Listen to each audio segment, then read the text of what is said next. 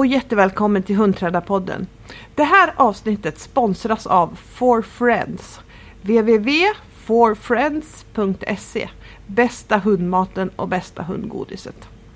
Idag har vi en favoritgäst med oss som har ett av de absolut allra mest lyssnade avsnitten som vi har spelat in.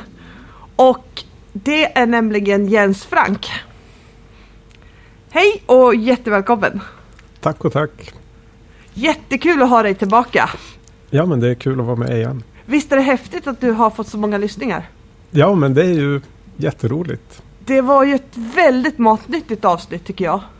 Mm, ja men vad bra. Jag, jag förstår inte riktigt varför det har fått så många lyssningar. Exakt vad det var som var intressant där.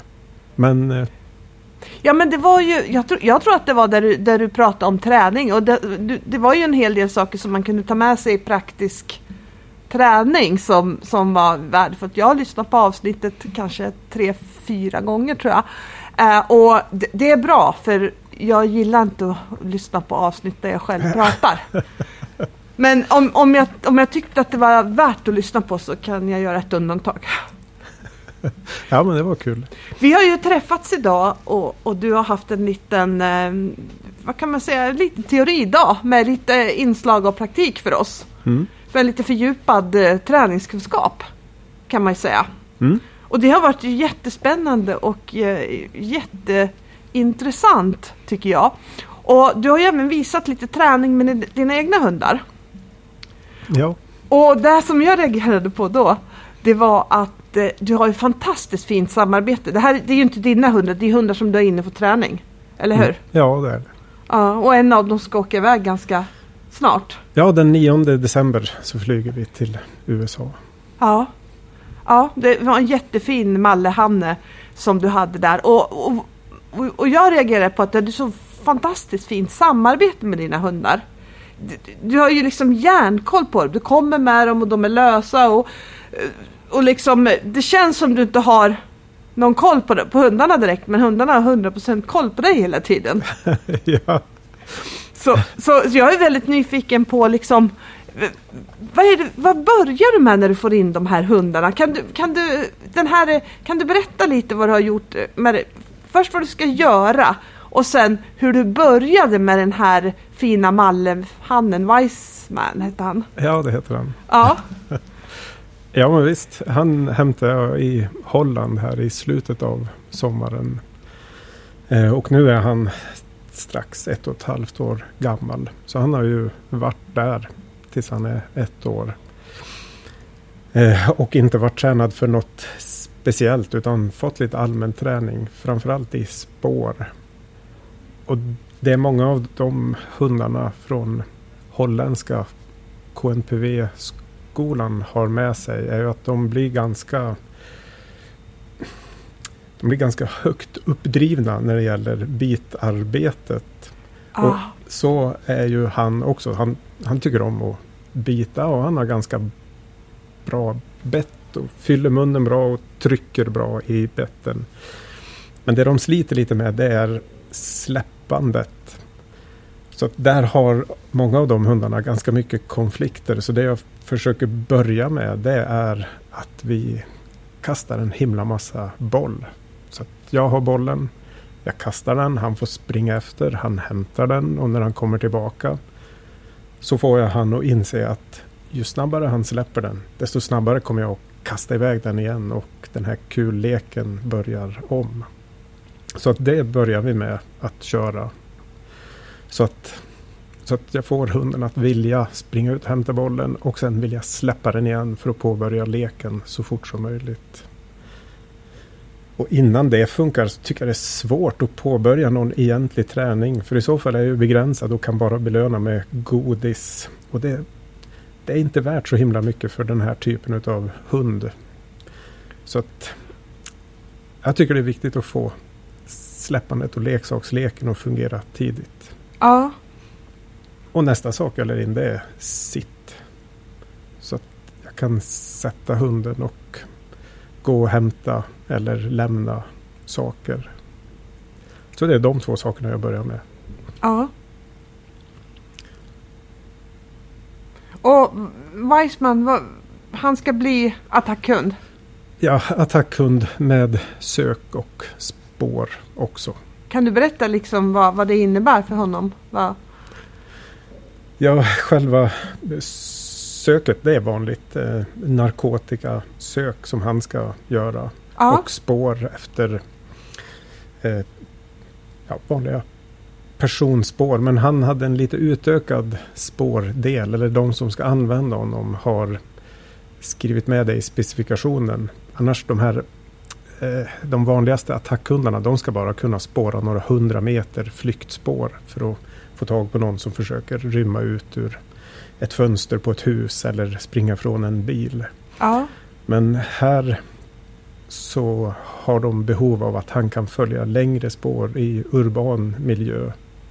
Så att jag har tränat honom som en vanlig spårhund där han kan gå ganska långa spår på varierande underlag och med i mitt tycke ganska svåra störningar. För att de kommer att använda honom en del även för sådana spår där det inte finns en person i slutänden som ska bitas varje gång.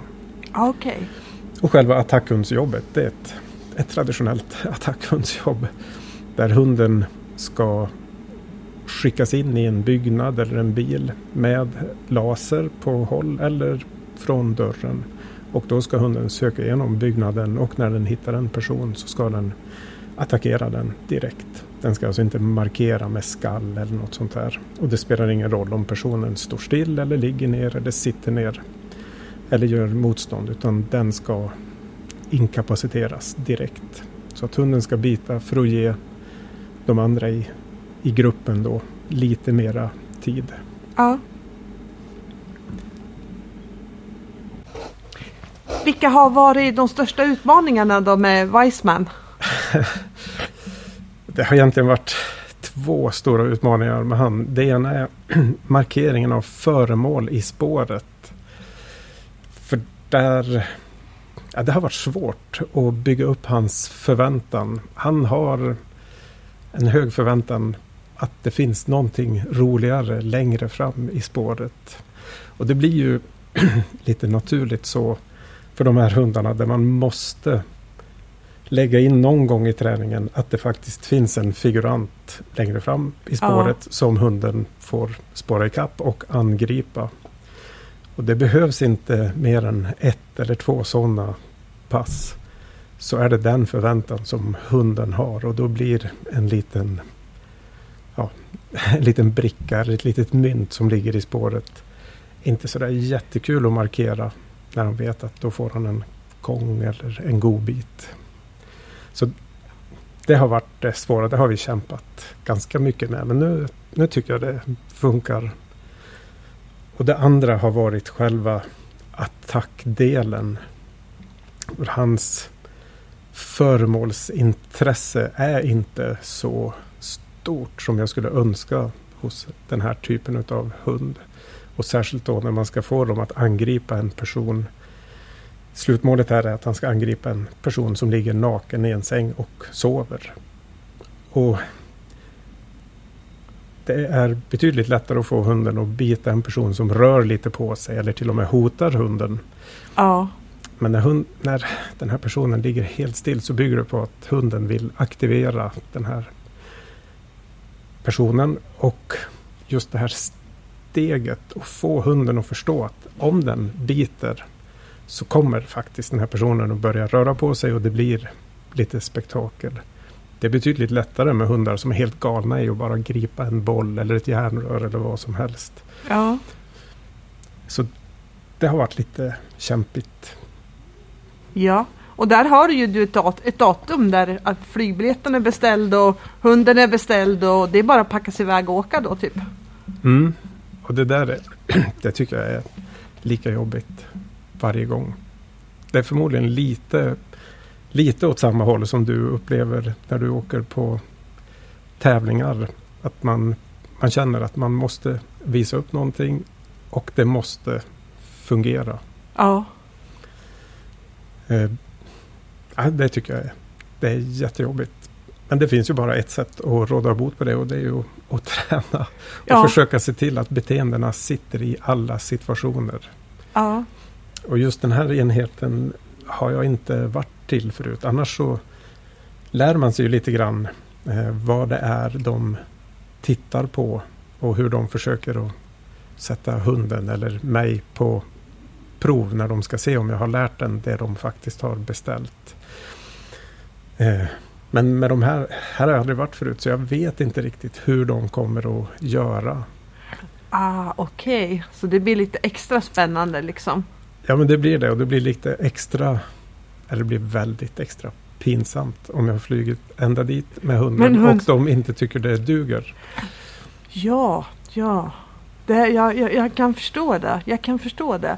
Och, och, det är väl det här som är det lite jobbiga och samtidigt är det lite roliga när man verkligen tränar mot ett mål. Att det verkligen ska funka en gång i skarpt läge. Mm. Det är väl lite likadant på tävlingar, inte på vanliga tävlingar, men jag skulle tävla på större tävlingar. Att man ska kunna sätta allting just, just då. Ja men precis. Och det är klart med, med en tjänstehund så är det ju liksom Ja men det är kanske lite mer liv och död då när det ska funka. Ja, i ett senare skede för den och dess förare så blir det ju det. Ja.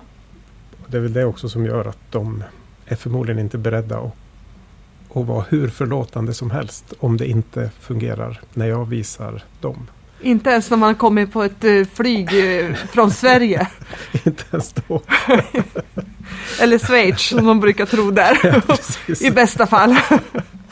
ja, det är the second Sweden. Ja, jag, tyckte att den var väldigt fin den här Mallehanden som du hade.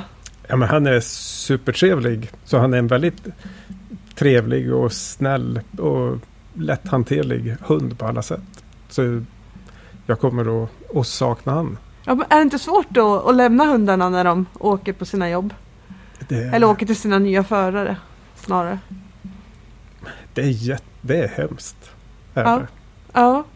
För man har levt så tätt in på varandra. Och även om han säkert inte är lika nervös som jag inför om han kommer att, att bestå det här provet och kan visa att han kan det han ska kunna. Så har ju han liksom blivit inbegripen i mitt maniska tränande för att klara det. Ja. Så att det blir just som att man gör en liten resa tillsammans. Ja. Så jag tycker det är jättejobbigt. Bruk, ja, jag kan förstå det. Brukar du få höra någonting eh, efter du har lämnat hundarna? Liksom, eh, håller de kom jag vet att du har berättat för mig att de får en hel jättefin eh, stegringsplan så de kan gå igenom alla steg som du har gått, gått igenom. Ja, ja. Och den här planen har du faktiskt visat och den är väldigt den är väldigt, väldigt eh, ordentligt utformat. Mm. Men, men få, brukar du få höra någonting hur det går med hundarna sen när de är i arbete? Och... Ja, det, de här förarna de är ju oftast väldigt engagerade i i sitt jobb och i sin träning utav hundarna. Så att de hör av sig när det har blivit väldigt bra på jobbet. När hunden har fått sitt första gripande eller bitande. Eller när de har fått sina första skarpa fynd. Om det är sökhundar. Då, då brukar de höra av sig direkt. Ja. Och även såklart om de stöter på problem. Så ja. skickar de gärna videoklipp och ja, frågar det måste ju vara jättebra för då får ju du också lite mer liksom, feedback på träningen. Sen kanske det är de som har ställt till någonting men ändå liksom, då, då ser man kanske vilka bitar man behöver få ännu starkare eller jag, jag gissar att den ger en ganska mycket, en, en bra helhetsbild för dig när du tränar upp fortsatta tjänstehundar. Jag tycker det är helt eh, ovärderligt. För dels så se vilka luckor som finns då i den träning som jag har genomfört innan ja. jag lämnar över hunden.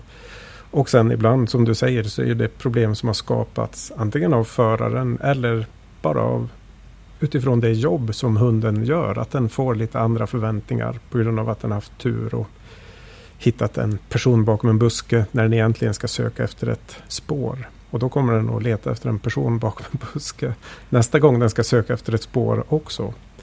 Så sådana där saker händer ju hela tiden. Och just att få feedback vad det är som har hänt och vad, resultatet har blivit det gör det ju lättare för mig att försöka förebygga sånt så gott jag kan i den träning jag gör då av nästa hund. Ja. Så det...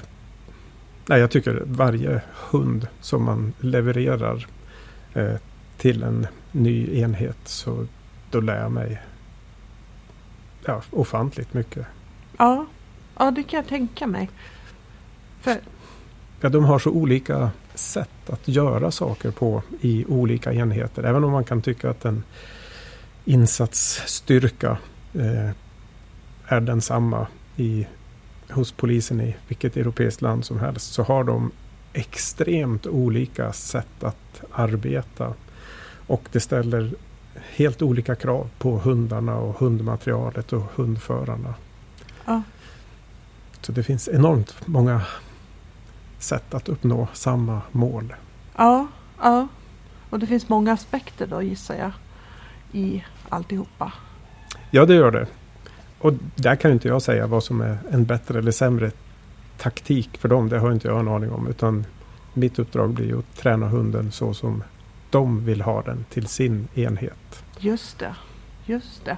Du, det är många som, som eh, tränar hund för tävling som lyssnar på podden.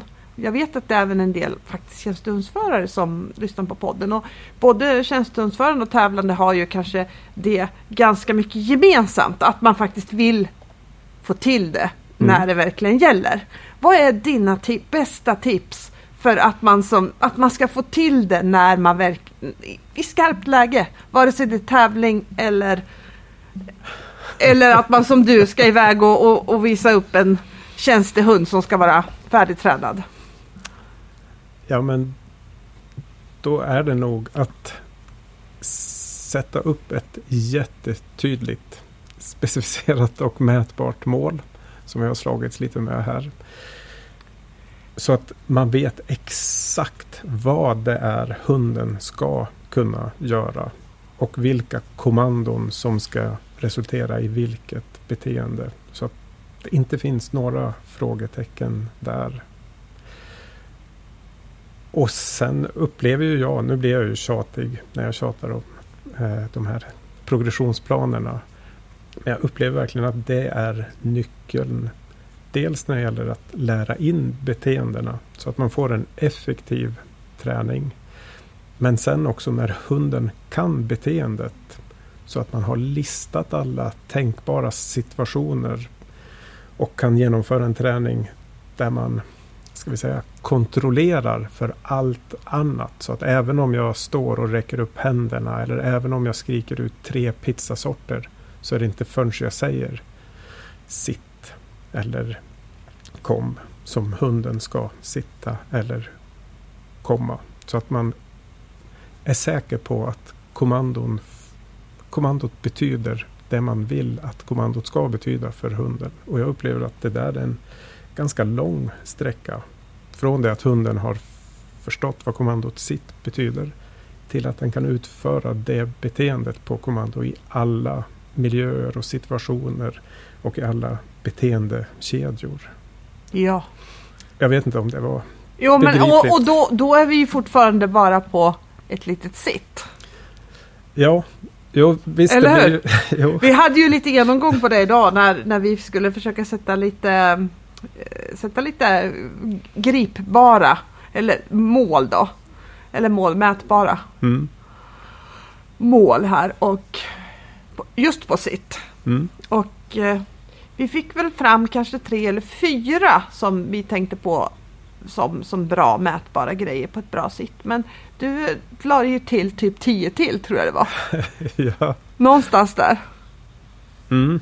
Med saker som, som eh, borde ingå då i, i det här. Så det finns ju lite att jobba på där. ja men jag, jag brukar använda sitt och nu var jag inte så elak mot er som jag kan vara när, jag, när vi har grupper med tjänstehundsförare. För om, det, om jag frågar en grupp om tio tjänstehundsförare som alla har certifierade hundar så frågar jag kan era hundar kommandot sitt? Ja men då säger de ju ja. Ja, Så då har de sagt det att hunden kan sitt. Och sen så ber jag dem lista då de specifika och mätbara målsättningarna för sitt. Och då kommer ju först upp sånt då som att hunden ska ha eh, hasen, hasen ner i marken eller den ska ha ändan ner i marken och den ska sättas inom två eller tre sekunder från det att man ger kommandot. Och de delarna är ganska självklara. Men när man sen lägger till alla de andra delarna som vi faktiskt tvingas tänka på i träningen. Som till exempel, ska hunden kunna sitta på kommando även när den är 40 eller 100 meter ifrån dig? Ska den sitta på kommandot sitt även om den är bakom föraren? Alltså inte ha ögonkontakt med föraren. Ska den sitta när hunden inte kan se föraren överhuvudtaget. Man kan ju fortfarande stå nära varandra om det är mörkt eller om man bara står på varsin sida om en bil. Ska den kunna sitta om den springer? Eller är det bara sitt från gå? Och sist men inte minst, ska den göra det tio gånger av tio eller åtta gånger av tio och med vilka störningar? Så jag brukar vara lite elak om jag känner att man behöver ruska om de här hundförarna om de är lite för kaxiga. Så då frågar de först om hunden kan sitt. De säger det. Och sen så ställer jag hunden bara på utsidan dörren så att den inte ser föraren. Och föraren bara fem meter därifrån. Och så ber jag föraren säga sitt. Och det är förvånansvärt många hundar som inte kan sitt om de inte ser föraren. Ja, just det. Så saker och ting är kopplade till andra saker än själva kommandot. Ja men precis, det föraren trodde var kommandot, nämligen att han eller hon säger sitt, visar sig att det är inte så. Utan det är bara ett kommando för sitt om hunden också ser föraren eller sitter mitt emot föraren eller på förarens vänstra eller högra sida. Så att det finns fler delar i kommandot än hundföraren är medveten om. Och för de flesta tjänstehundar så är det inte okej. Okay, utan där måste man göra lite fyrkantigt så att då är kommandot sitt. Det betyder sitt oavsett vilken position hunden är i, om hunden ser föraren eller inte. Eller om den är 40 meter bort eller bara två meter ifrån. Ja. Och allt det där måste man ju bestämma sig för innan man sätter igång träningen. Därför att annars så blir det jättesvårt att göra en effektiv träning för att nå det här målet som man inte har satt. Då kommer man bara att flumma runt lite här och där. Ja, då har ju du satt ganska många streck under, under den här dagen. Vikten av att verkligen, verkligen, verkligen veta vad man ska lära hunden. Mm. Från innan man startar, ja. Innan man startar. Ja. Därför att annars kommer man ju kunna belöna beteenden som man egentligen i slutändan inte vill ha. Och bestraffa sånt som man faktiskt hade velat ha. Bara för att man inte har tänkt igenom ordentligt vad man vill. Utan det är så lätt att tänka, ja men sitt, det är ju sitt. Och så går man inte längre, man listar inte vad det faktiskt är hunden ska göra och i vilka situationer den ska göra det på kommandot sitt. Mm. Och för, för, om, man, om man liksom bara tänker på alla de här stegen för att lära in ett riktigt bra sitt så är ju eh, det, eh, som sagt, det är ju väldigt mycket redan där. Men då, då kom, det här tycker jag man kan koppla till en av de andra sakerna som du har pratat om idag och det är den här flow-tunneln. Mm. Att man ska hela tiden utmana hunden lite, lite grann. Och har man, de här, har man den här stegningsplanen så är det lite lättare att gå vidare och ta nästa steg och inte hålla på och göra samma saker som hunden kan. Vill du berätta lite om den här flowtunneln först och främst? Ja, men det kan jag göra. Det är ju Eh, det är ju egentligen beskrivet för människor men det funkar ju för träning av vad som helst. Oavsett om det är hästar eller hundar eller barn eller vuxna. Så om man tänker sig att man har två axlar och på x-axeln, alltså den som löper längs med marken, så är då hundens förmåga. Och på y-axeln så är övningens svårighet. så om man då lär hunden så att hunden blir bättre och bättre på ett visst beteende. utan att man också utmanar hunden så att man gör övningen svårare. Då, ja, vi kan ta Wiseman som exempel. Han är i mitt tycke en duktig spårhund. Om jag går ut nu och går ett två kilometers skogsspår med honom så ja, men då kan han följa det spåret, komma till slutet. Han kommer att kunna hitta föremålen utan att anstränga sig särskilt mycket. Så att då blir det lätt så att hunden går där och börjar tänka på annat för att uppgiften är så lätt. Och när jag då belönar honom för vad jag tror är att han spårar så har han egentligen fokus någon annanstans. Så då tappar jag kontrollen över vad jag belönar. Men om jag istället allt eftersom han blir duktigare och duktigare på en viss övning, om jag då ökar svårighetsgraden, då har jag ju kontroll över vad han lär sig och vad jag belönar. Därför att han måste anstränga sig och fokusera för att lösa uppgiften. Annars så har han ju ingen möjlighet att bli belönad. Så det man brukar kalla då för the flow channel, det är där de här två möts. Där utmaningen och färdigheterna möts någonstans i mitten. Så det det betyder i en förlängning är ju att det är svårt att träna en hund till en viss nivå och sen bara låta den ligga kvar där och underhållsträna. Därför att då kommer man komma för långt ut till höger i den här figuren.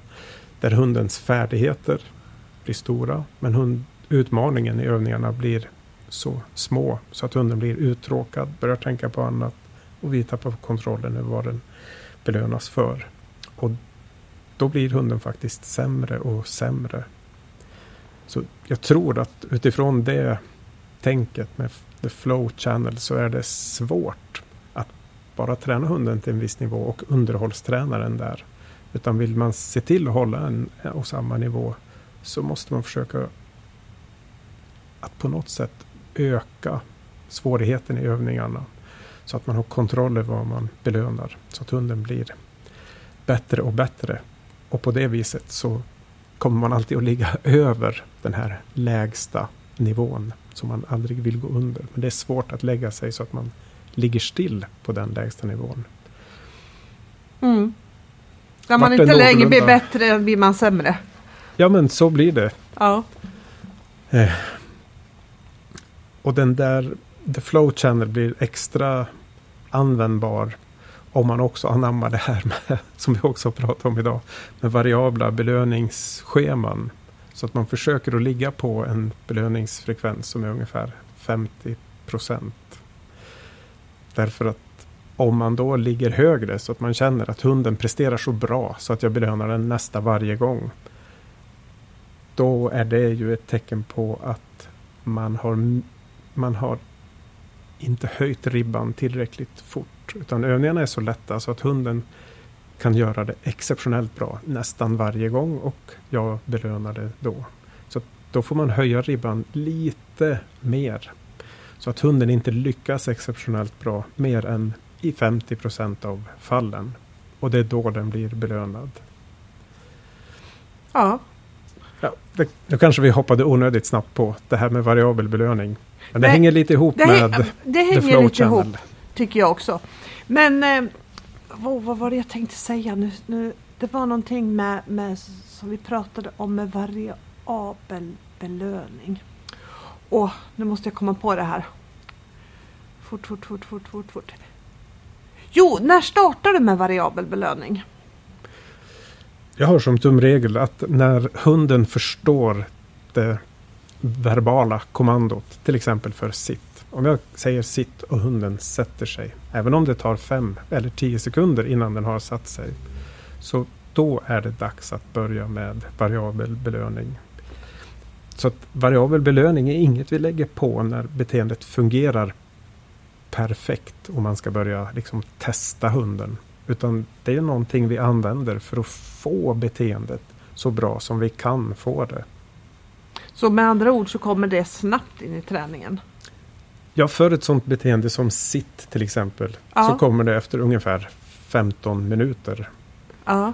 För att då börjar hunden förstå att när föraren säger sitt så kan den sätta sig ner för att ha en chans att bli belönad.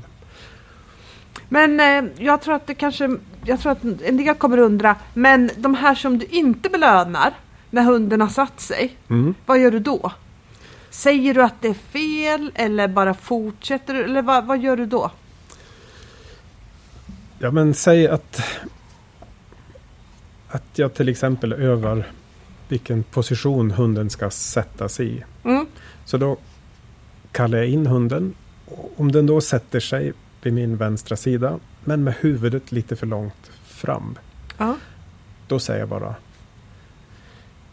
Sitt. Och så går jag fem meter bort och så kallar jag in hunden igen. Och då kommer den till mig. Och om den då sätter sig på exakt samma i exakt samma position som förra gången. Då säger jag bara sitt. Och så går jag fem meter bort och så kallar jag in den igen. Och om den då kommer till mig och så sätter den sig lite längre bak. Alltså den gör det exceptionellt bra jämfört med hur den gjorde det repetitionerna innan. Då belönar jag den. Ja. Och på det viset så för hunden så kommer ju det här att upplevas som ett variabelt belöningsschema. Den förstår ju inte vad gjorde jag annorlunda nu som gjorde att jag blev belönad. Jag gjorde ju exakt samma sak som förra gången. Mm. Men när vi har upprepat det där ett antal gånger så börjar hunden genomskåda den här leken och inse att ja, men är, om jag sätter mig lite längre bak, då blir jag belönad. Och på det viset så ska man ju försöka då att man höjer ribban för kriterierna så långsamt att man kan ligga på en belöningsfrekvens av ungefär 50 procent. Så sjunker man ner under det så man inte kan belöna hunden i mer än kanske 25 eller 30 procent. Då har man höjt kriteriet för fort. Så får man sänka det igen. Så man kan öka belöningsfrekvensen. Ja. Så att i det fallet då säger jag bara sitt. Skulle jag ha en hund som söker och så markerar den. Men den kanske kommer lite för nära gömman. Då säger jag bara kom. Så kallar tillbaka den till mig och så får den sitta 10-15 sekunder. Och sen kör vi ett nytt sök. Och då söker den och markerar och så har den ett bättre avstånd än den hade de tidigare gångerna. Klick. Och så belönar jag. Ja. Så, så man kan säga att den här variabla, eh, variabla belöningen att, att det är liksom ett genomsnitt av antal belöningar under ett pass eller under flera pass. Så att det är inte hälften belö- 50-50 bara rakt av sådär utan Nej. det här är väldigt kopplat till vad hunden gör. Precis, och det är ju vi som styr det genom att det är vi som sätter kriterierna. Så att det där kan man ju vara med och justera hela tiden. Men 50 procent är eh, det optimala. Det är den optimala belöningsfrekvensen. Och det visste inte Skinner och hans kollegor när de studerade belöningsschema för snart 100 år sedan. Men de senaste årtiondena så har det gjorts flera studier som visar att det är då man får den maximala dopaminkicken eller den maximala motivationshöjningen. Ja. För det, det finns flera fördelar med det här med variabel belöning. Och ett är ju såklart om man tävlar eller om man har tjänstehundar. Att hundarna är beredda på att de kommer inte att bli belönade varje gång de gör rätt. För det kan de inte bli vare sig i tävling eller när de arbetar på gatan. Så det är det ena. Men det andra är att det leder till att hundarna blir lite spelmissbrukare. Så att det leder till en ökad motivering, en ökad motivation hos hunden jämfört med om man belönade den varje gång. Därför att man får det här lilla, den här lilla osäkerheten där. Lite som ja, men med adventskalendrar. Det är inte särskilt häftigt att eh, öppna adventskalendrar. Men ändå blir det lite spännande för man vet inte vad som finns bakom den där luckan. Och bara den osäkerheten gör att det blir lite spännande till och med att öppna en papplucka på en adventskalender. Ja. Det hade inte varit alls lika spännande om den hängde där och man såg vad som var bakom luckorna på en gång. Det är sant. Och så att den effekten får man om man då istället för att belöna varje gång försöker lägga sig på ungefär 50 procent. Och i tillägg då så får man möjligheten att man redan från början kan börja styra hunden åt det håll man vill genom att man belönar det som är lite bättre än förra gången. Så Mm. där går det ihop då med vanlig shaping också. Mm.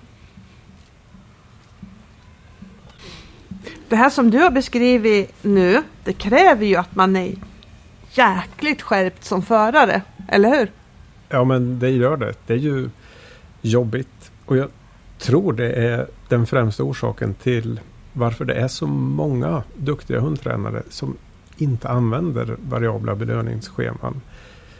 Helt enkelt därför att det, det, blir lite jobbigt. Det är så mycket enklare om man bara klick och belöna varje gång hunden gör rätt. Då behöver man inte tänka. Men ska man tänka här, mm, var det där exceptionellt bra? Ska jag belöna? Eller var det bara normal bra så jag ska säga kom? Eller gjorde hunden något helt tokigt beteende så att jag istället bör säga nej och kalla tillbaka den så den förstår att det var just det där jag gjorde nu som fick konsekvensen att jag missade belöningen. Det gör ju att man verkligen måste vara på tårna genom hela träningspasset. Ja. Vi brukar eh, egentligen försöka skyla över det faktum att vi bara är människor mm. genom att säga att åt hundförarna att de får ha max fem minuter långa pass för att hunden ska orka fokusera på det den ska lära sig. Och det är egentligen lite ljug. Därför att ofta orkar hundarna hålla på mycket längre än fem minuter och fortfarande förstå vad det är de blir belönade eller bestraffade för. Men för en vanlig människa, eller en vanlig hundförare, att vara helt fokuserad under fem minuter på vad hunden gör och vad responsen ska bli från mig som tränare. Det är jättejobbigt. Så när det har gått fem minuter för de flesta människor eh, så innebär det att då börjar man slarva och man börjar belöna beteenden man inte vill ha och bestraffar beteenden som man vill ha. Och då är det inte bara så att de minut 6 och 7 där är bortkastad tid utan det kastar den ju några steg bakåt i, i träningen. Ja. Så att det hade varit mycket bättre om man hade kunnat hålla passet kort. Så man är säker på att hunden gör det man vill att den ska göra. Ja, för du har ju pratat ganska mycket om idag också att, att, att eh, det händer ofta mycket, mycket, mycket, mycket mer i träningspassen än vad förarna tänker på. Och, ja, ja. ja, men om man går ner på cellnivå och tittar på vad det är som händer vid inlärning. Så det finns ju en del kul videoklipp på nätet. Som man kan titta på när eh, neuroner växer ihop. Alltså när en ny nervbana bildas för att man genomför eller utför ett nytt beteende. Så det är någonting rent fysiskt som sker i hjärnan. Inte bara på oss människor. Utan också hundar eller råttor eller duvor. Och när den här nya nervbanan har bildats så varje gång den används, varje gång det går en elektrisk impuls genom den här nervbanan så blir den lite tjockare. Man ser det rent, alltså de blir tjockare rent fysiskt. Och det som händer är att isoleringen på utsidan av dem byggs på.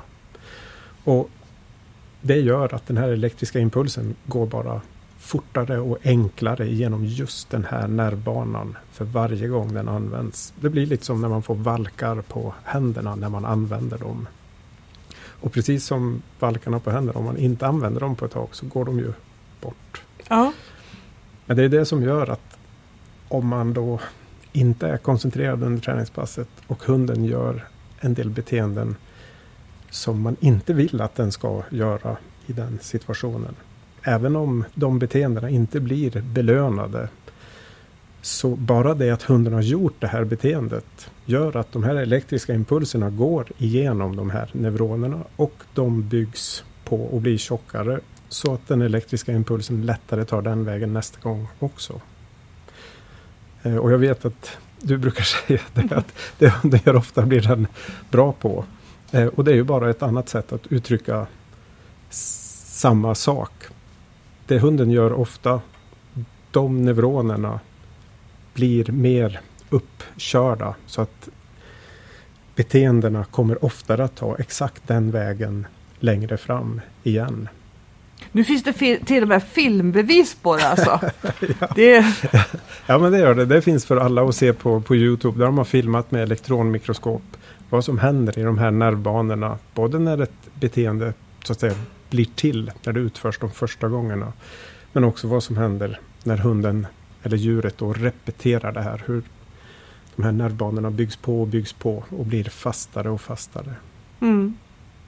Och det är ju ytterligare en grej till, till varför det är så viktigt då att man vet vad man vill att hunden ska göra.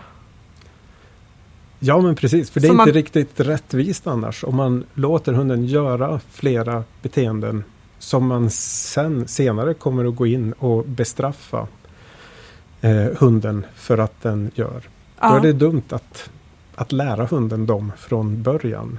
Ja. Och det är lite grann det som sker just när man tappar fokus och hunden gör saker. Och även om man tänker att ja men det där, jag belönar ju inte det här. Så bara det att den har gjort det räcker för att den eh, lättare ska göra det igen. Och det där, det där tror jag är ett av de största misstagen som jag gjorde förr i träningen. Jag trodde inte det spelade någon roll eftersom hunden ba, bara fick belöning för rätt beteenden. Mm. När jag började jobba mer efter den här tanken att allt räknas så tycker jag jag har fått en helt annan säkerhet i momenten. Mm. Det är praktiskt det innebär ett jätte, jättestor skillnad. De sista hundarna som har varit tränade mera liksom att allting att, att uh, göra så mycket rätt som möjligt. Um, eller, eller vad heter det? Få, få, en bra proportion på rätt. Det mm. har blivit stor skillnad. Och hur, vad har du för knep för att behålla fokus själv i träningspassen? Jag försöker hålla dem, som du säger, rätt korta, dock inte fem minuter. Men det skulle, det, och jag märkte det ganska tydligt i helgen när vi hade en sån här träningsdag när vi gjorde ganska, vi körde parallellbanor när två hundar tränade samtidigt och gjorde det ganska extremt. att en sprang till rutan, en sprang på apporteringsdirigeringen och så korsade de varandra på linjerna och att mm. det var så här riktigt, riktigt extrem störningsträning. Också för att liksom jobba med hundarna och få dem i liksom en fokusnivå till liksom och göra det svårare. Men, men det, jag, det jag kände där att det, det, det, var att eh, jag själv brast nog lite där i slutet för det vart ganska långa tider. Eftersom det krävdes ganska mycket timing så blev det en del väntetid och, mm. och, och, så här eftersom vi, det var två ekipage och två tävlingsledare inblandade och folk på plan och sådär. Så, så då, då, var det, då var det lite svårare att hålla fokus. Då. Men jag, annars, normalt sett försöker jag hålla passna ganska korta. Jag försöker också faktiskt att och se till att jag är bra att jag är i bra form när jag tränar. Ja. Om du förstår hur, hur ja, jag, menar. Förstår. Alltså träna när, på dygnet som jag är som mest fräsch och liksom ja, hålla mig lite till det när jag själv tror att jag kan vara så bra som möjligt. Mm. Så mm. det är lite spännande faktiskt. Och jag märker också att ju mer ansvar man lägger på sig själv ju, just, ju bättre resultat blir det också. För det är så himla lätt att skjuta över det och säga att Nej, men, den här hunden är ju lite så. Eller hur? Ja, verkligen. Det är den här hunden och, och, och det är det här. Men, men det är man ju inte så gynnad över om man verkligen vill komma vidare liksom. Sen, sen är det klart att hund, visst, hunden är den den, den är. Men, men det, det, har man ju. Det är ingenting jag kan påverka så. Men det enda jag kan påverka det är att försöka bli lite bättre. Ja men exakt. Om vi ska hoppa tillbaka till det här med nervbanorna. Så det de har sett i de studier de har gjort både på människor och andra djur är ju att förmågan att bilda nya, om vi ska kalla det då nervbanor, nya beteenden. Den upphör ju inte bara för att man blir gammal. Så det är inte svårare att att lära gamla hundar nya beteenden. Det är inte svårare för dem att bilda eller bygga på de här nervbanorna. Och om man har det perspektivet med sig då, då faller ju ansvaret igen tillbaka ganska tungt på en själv. Då är det ju bara upp till mig att komma på ett sätt att få den här hunden att förstå vad det är jag vill att den ska göra.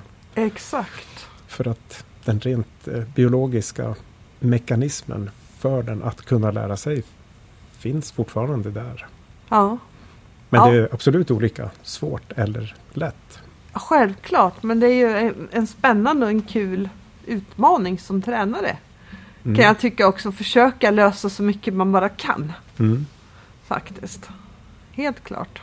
Du, du har ju pratat lite, du har ju nämnt några gånger nu under, under det här avsnittet om eh, bestraffa hunden.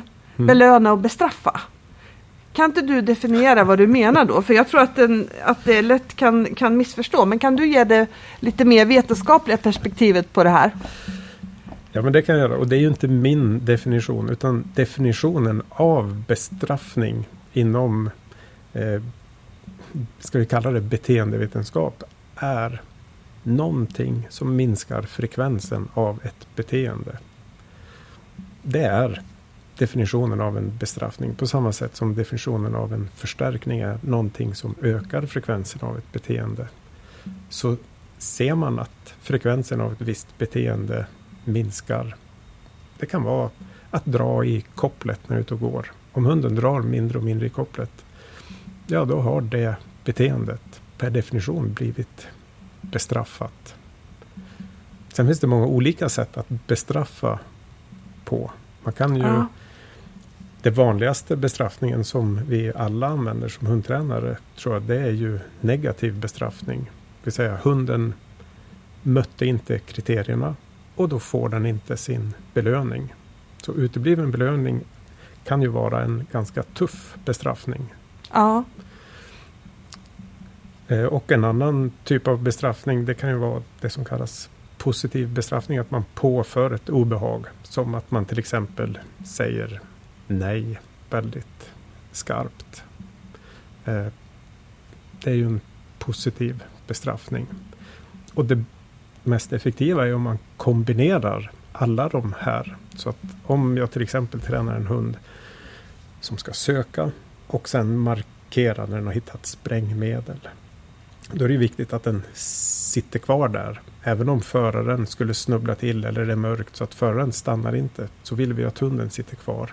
Och då är det viktigt att hunden inte tittar bak på föraren. Så att om jag tränar en hund som söker och så markerar den och så tittar den bak på mig. Då säger jag direkt nej, kom. Och det jag vill då är att nejet, eh, helst skulle jag vilja att det blev en positiv bestraffning. Men det, det, är os, det är jag väldigt osäker på om hundarna uppfattar det som. Men det de i alla fall förstår att det var precis där när jag sa nej som de missade chansen att bli belönade. Därför att alla andra gånger när jag har sagt nej så leder det till att de blir tillbakakallade och får sitta hos mig 10-15 sekunder innan vi kör igång igen. Så att om man kan kombinera det här positiv bestraffning, negativ bestraffning och sen då ger man hunden chans igen lite senare att göra rätt. Och då är det upp till mig att sänka kriterierna så hunden får chans att göra rätt så att jag får belöna den för det beteende som jag vill ha.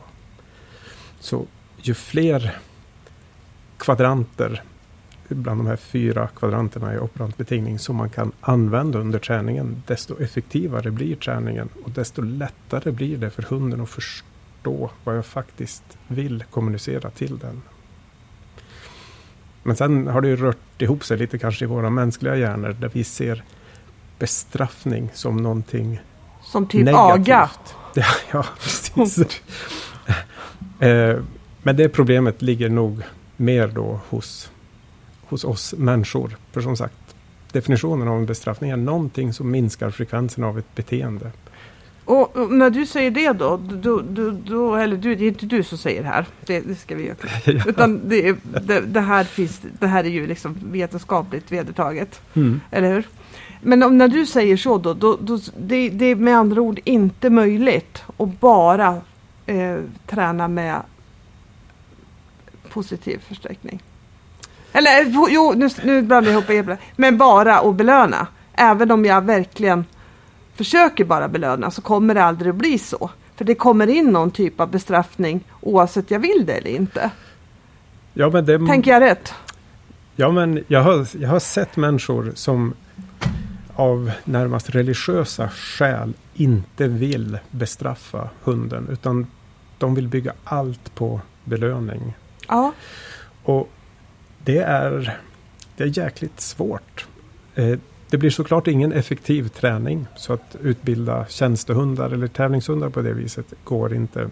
Men det är väldigt svårt oavsett hur man gör det därför att varje gång hunden hade hoppats få en belöning, en frolic eller en boll eller ett bra eller bara en blick ifrån dig. Varje gång hunden hoppades få det men du förnekar den det så riskerar ju det att upplevas som en negativ bestraffning. Mm. Och det är nästan omöjligt att leva ett helt, eh, helt vanligt liv med en hund där man oavsett vad den gör eller förväntar sig lyckas ge den exakt det den vill ha just där och då. För det finns ju exempel. Jag visade ett exempel här idag till exempel där jag belönar som jag tycker då, en hund med frolic. Men det är helt uppenbart på dess reaktion att den upplever sig bestraffad. Så att det vi såg var en minskning av frekvensen av beteendet. Ja, trots, att du, trots att du belönade så, så vart det sämre och sämre. Ja, så det, ja där måste ja. man ju då titta på det lite kyligt. Jag tycker att eh, om man får en frolic, ja men då blir man belönad. Men på hundens respons kan vi se att frekvensen av beteendet, markeringen, minskar. Så alltså per definition så har jag bestraffat hunden genom att ge den en frolic där den hoppades på en kong. Ja. Den, jag kan inte riktigt se hur man kan leva ett liv där man inte hamnar i de situationerna. Eh, för vi kan ju inte läsa hundarnas tankar och alltid leverera det de hade tänkt sig. Och varje gång vi inte gör det, ja men då har vi förmodligen per definition bestraffat hunden. Ja. Så det handlar ju inte om ifall man vill sparka hunden i revbenen eller inte. Nej. Det är inte det som är skillnaden mellan belöningsbaserad träning eller vanlig träning. Men jag tror att det uppfattas ganska ofta som så faktiskt. Ja, Dessvärre. det kanske är så. Dessvärre faktiskt. Ja, nej men det var jätte, det är jättespännande att du reder ut de begreppen lite grann. Ja. Vi har ju pratat lite om att, att det hunden gör, ehm, att det, det hunden gör ofta, det, det, blir den bra på och den får belöning ibland för saker som man eh, egentligen inte skulle vilja belöna. Kan du bara utveckla vad du menar med det? Ja men det kan jag göra. Eh, nu känns det som jag sitter här och bara rapar upp en massa käpphästar. Eh, och det kanske är för att jag har en massa käpphästar. Men eh, det är ju det här med Premax princip. Eller mormors principen som den också kallas. Att när du har ätit upp broccolin så får du efterrätten och den kan vi använda för att spara mycket tid och frustration i hundträningen. Så säg till exempel att vi är i den här hallen som vi är nu. Och bara vi har haft in en hund hit, ett eller två pass och kört övningar här inne. Så får ju hunden en förväntan att gå in i hallen och det ser man ju ofta. Hunden vill gå ut på planen eller in i en hall. Och mm. de kan ha lite bråttom från bilen till dörren. De kan ha lite bråttom in genom dörren. Ja, och det blir man ju ofta lite glad för. För då tänker man nu, nu tycker de det här är riktigt, riktigt kul. ja, det är ja, ju det bra. Är bra. Det, det är bra. Absolut. Och vi vill ju att de ska tycka det är kul. Ja. Men det finns ju många olika sätt att visa glädje på. Och eh, att dra i kopplet eller springa före föraren in genom dörrar är ju inte det enda sättet. Och det kan leda till en massa farliga situationer. Det kan finnas saker på andra sidan dörren som kan skada hunden eller hunden kan skada andra. Och detsamma gäller om man bara öppnar luckan i bilen och hunden hoppar ut. Och Problemet är att varje gång vi låter hunden göra det här, den bara hoppar ut ur bilen och springer fram till dörren till hallen. Och när vi öppnar dörren så bara rusar den in. Så även om jag tänker att ja, men vi har inte påbörjat träningen än utan vi börjar ju träningen när vi kommer in i hallen. Så eftersom hunden har varit in i hallen tidigare, den har en hög förväntan att gå in hit, så kommer den att uppleva sig belönad bara den fick komma in hit. Och sen förstärks det ytterligare av att vi gör ett träningspass här inne och ger både godis och boll. Så att det Premac eh, visade då, det var att man kan faktiskt belöna ett beteende med ett annat beteende. Så bara det att hunden får komma in hit och göra en massa saker kommer att vara en belöning för de beteenden hunden gjorde på vägen in hit. Och här finns det så mycket tid och frustration att tjäna om vi är konsekventa med hur hunden hoppar ut ur bilen. Eh, rimligen på kommando så att vi har kontroll över det. Annars riskerar vi att hunden blir överkörd eller uppäten av en annan hund eller lika illa äter upp en annan hund. Och sen att den går vid sidan eller om man har den i koppel att den inte drar i kopplet. Och att man till exempel säger åt hunden att sätta sig. Sen öppnar man dörren, går in och så kallar man in hunden. För det man gör då det är att hunden blir belönad för de här beteendena som vi vill ha. Och vi skapar en vana som vi vill ha. Och den kan vi ta med oss sen då i en massa andra situationer. Och det blir en win-win. Det blir en win för mig som förare. Därför att jag måste ändå ta hunden från bilen och in i hallen. Och då får jag en gratis träningssession där, där jag får en möjlighet att förstärka de beteenden jag vill ha. Och det blir en win för hunden. För den får inte lära sig en massa beteenden som jag sen behöver träna bort med all den frustration som det innebär. Ja. Ja, för det, blir ju, det, blir, det är ju situationer där det, där det lätt blir irritation och där det lätt blir tjat och där det blir ja. en massa strul. Och, och tänker, man, tänker man på tävlingshund och sådär så, så, så, så, tycker jag liksom allt du gör tillsammans med din hund påverkar sen i slutändan.